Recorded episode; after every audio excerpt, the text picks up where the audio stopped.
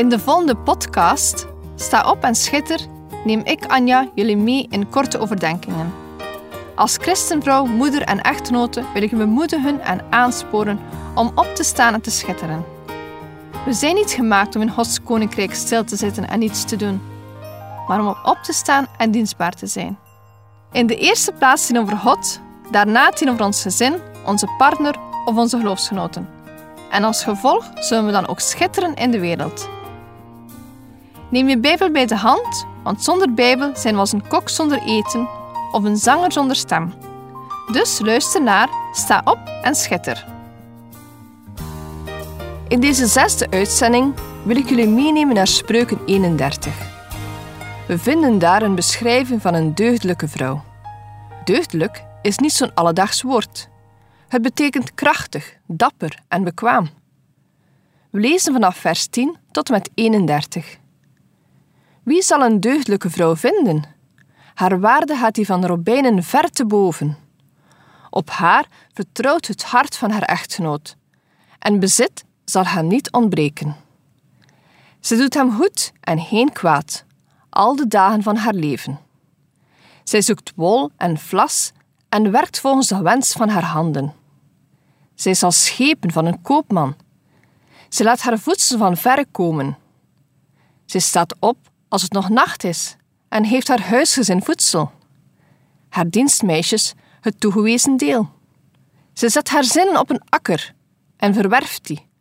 Van de vrucht van haar handen plant zij een wijnhaard. Zij omhort haar heupen met kracht. Zij maakt haar armen sterk. Zij merkt dat het met haar zaken goed gaat. Haar lamp dooft s'nachts niet. Zij steekt haar handen uit naar het spinnenwiel en haar handen houden een weefspoel vast. Zij opent haar hand voor de ellendige. Zij spreidt haar handen uit naar de armen. Zij is niet bevreesd voor haar huisgezin vanwege de sneeuw, want heel haar huisgezin is een scharlaken gekleed. Zij maakt voor zichzelf dekens van fijn linnen en roodpurper is haar kleding.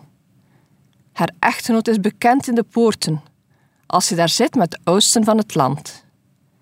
Zij maakt onderkleding en verkoopt die. Zij levert de kooplieden hordels. Kracht en glorie zijn haar kleding. Zij lacht de komende dag toe. Ze doet haar mond open met wijsheid. Onderricht uit genegenheid ligt op haar tong. Zij houdt de hangen van haar huisgezin in het oog. En brood van luiheid eet ze niet. Haar kinderen staan op en prijzen haar gelukkig. Haar echtgenoot noemt haar. Veel dochters hebben krachtige daden verricht, maar jij overtreft ze allemaal. Bevalligheid is bedrieglijk en schoonheid verhankelijk. Een vrouw die de Heere vreest, die zal geprezen worden. Geef haar van de vrucht van haar handen en laat haar werken haar prijzen in de poorten. Toen ik het boek Spreuken doorlas en dan mijn hoofdstuk 31 kwam, was ik wat geïrriteerd. De Spreuken 31 vrouw lijkt voor mij een onhaalbaar ideaalbeeld te zijn van een vrouw. Ik had heel graag deze pagina's uit mijn Bijbel willen uitscheuren. Maar ja, ik weet dat de hele Bijbel door de Heilige Geest is geïnspireerd. Dus ook dit wil iets zeggen tegen ons als vrouwen. Ik had het moeilijk om dit een plaats te geven in mijn eigen leven. Mijn eerste indruk over deze passage was als negatief en ook verkeerd.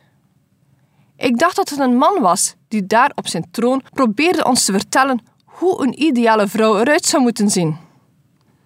Maar bij het herlezen zag ik dat dit de woorden van zijn moeder zijn. Het is van een vrouw gesproken tegen haar zoon. Met deze onderwijzing had ze haar zoon willen behoeden om te trouwen met een verkeerde vrouw. Deze tekst heeft dus een krachtige boodschap voor jonge mannen die voor een partnerkeuze staan. Ik realiseerde mij ook hoe belangrijke lessen erin staan voor ons als vrouwen. We kunnen natuurlijk deze Bijbelpassage niet één op één vergelijken met de vrouwen van vandaag. Het is tenslotte onwaarschijnlijk dat de godsvruchtende vrouw van vandaag op schepen wacht om de kruiden te kopen die ze nodig heeft om de doeken voor haar kleren te spinnen. En dan ook nog die dienstmeisjes. Maar ondanks het grote contrast van generaties blijven de principes hetzelfde. Gods woord is tijdloos, onveranderlijk en altijd relevant. Ik ga het vandaag met jullie hebben over de eigenschappen van deze vrouw en hoe wij deze sterke vrouw kunnen worden. Spreuken 31 laat ons een werkende vrouw zien, met een man en een gezin. In dit hoofdstuk gaat het dus ook vaak over relatie man-vrouw. Ik besef dat het niet iedereen zich in deze positie bevindt van een huwelijk en kinderen. Maar ook voor de vrouwen die alleen zijn, is deze boodschap zeer mooi. Iedere godvrezende vrouw zal ooit Jezus als bruidegom ontmoeten.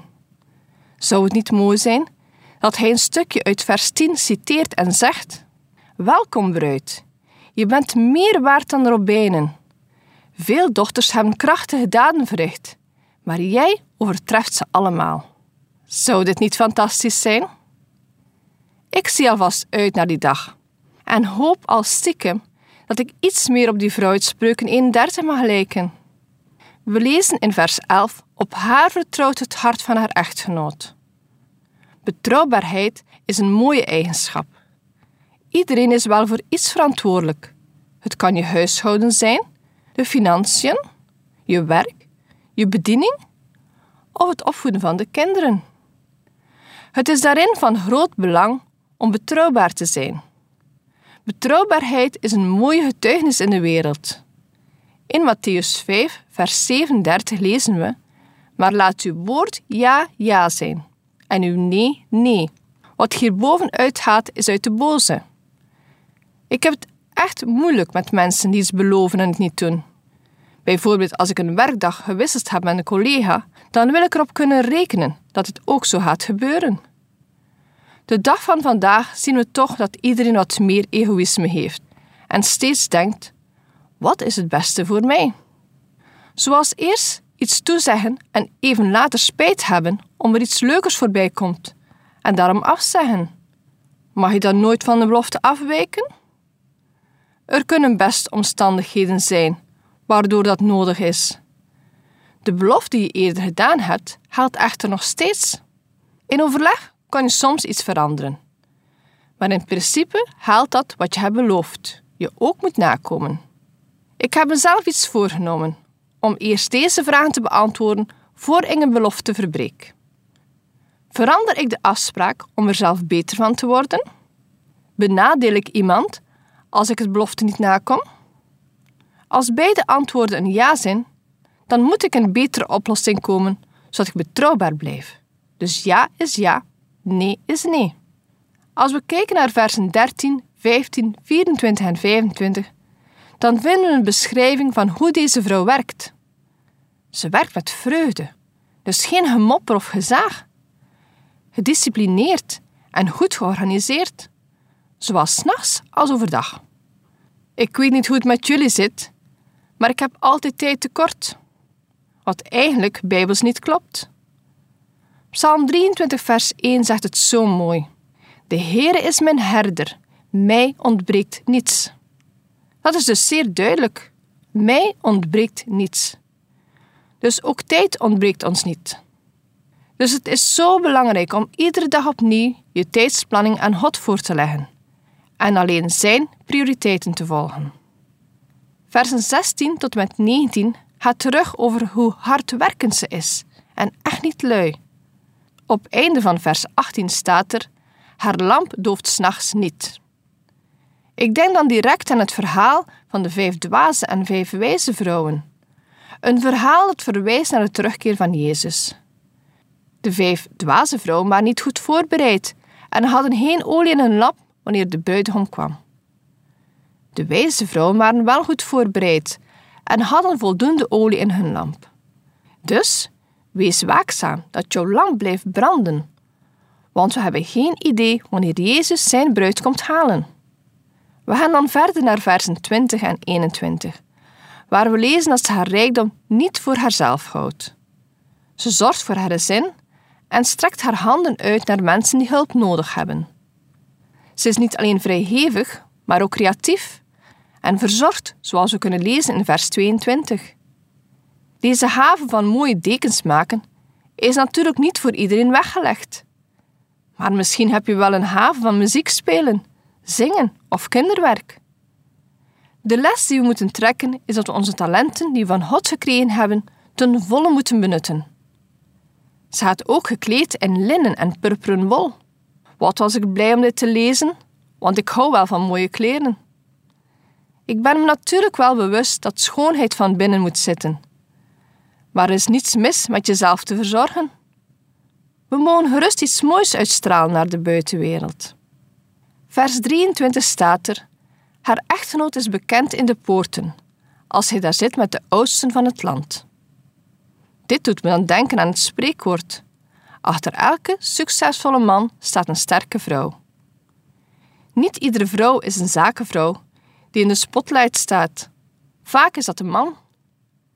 Weet dat God alles ziet, ook wat in het verborgene gebeurt. Bovenop alles wat ze al doet, onderwijst ze liefdevol en waakt over haar huisgenoten. Terug een wijze les.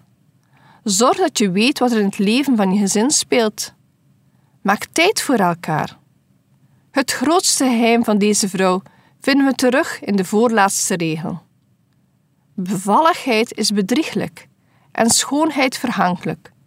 Een vrouw die de Heere vreest, die zal geprezen worden. Dus willen we worden als deze vrouw, laten we dan Godvrezend zijn. Godvrezen betekent ontzag en eerbied voor Hem hebben, Hem gehoorzamen, God herkennen als de Schepper. Dit is het allerbelangrijkste om te kunnen worden als deze Spreuken 31 vrouw. Volgende week terug een nieuwe uitzending. En ondertussen lees je Bijbel en bid elke dag, zodat je mag groeien als deze krachtige vrouw. Sta op en schitter.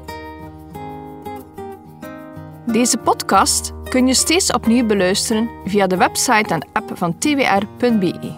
Als je deze aflevering leuk vond en je wilt de podcast helpen ondersteunen, deel hem dan met anderen.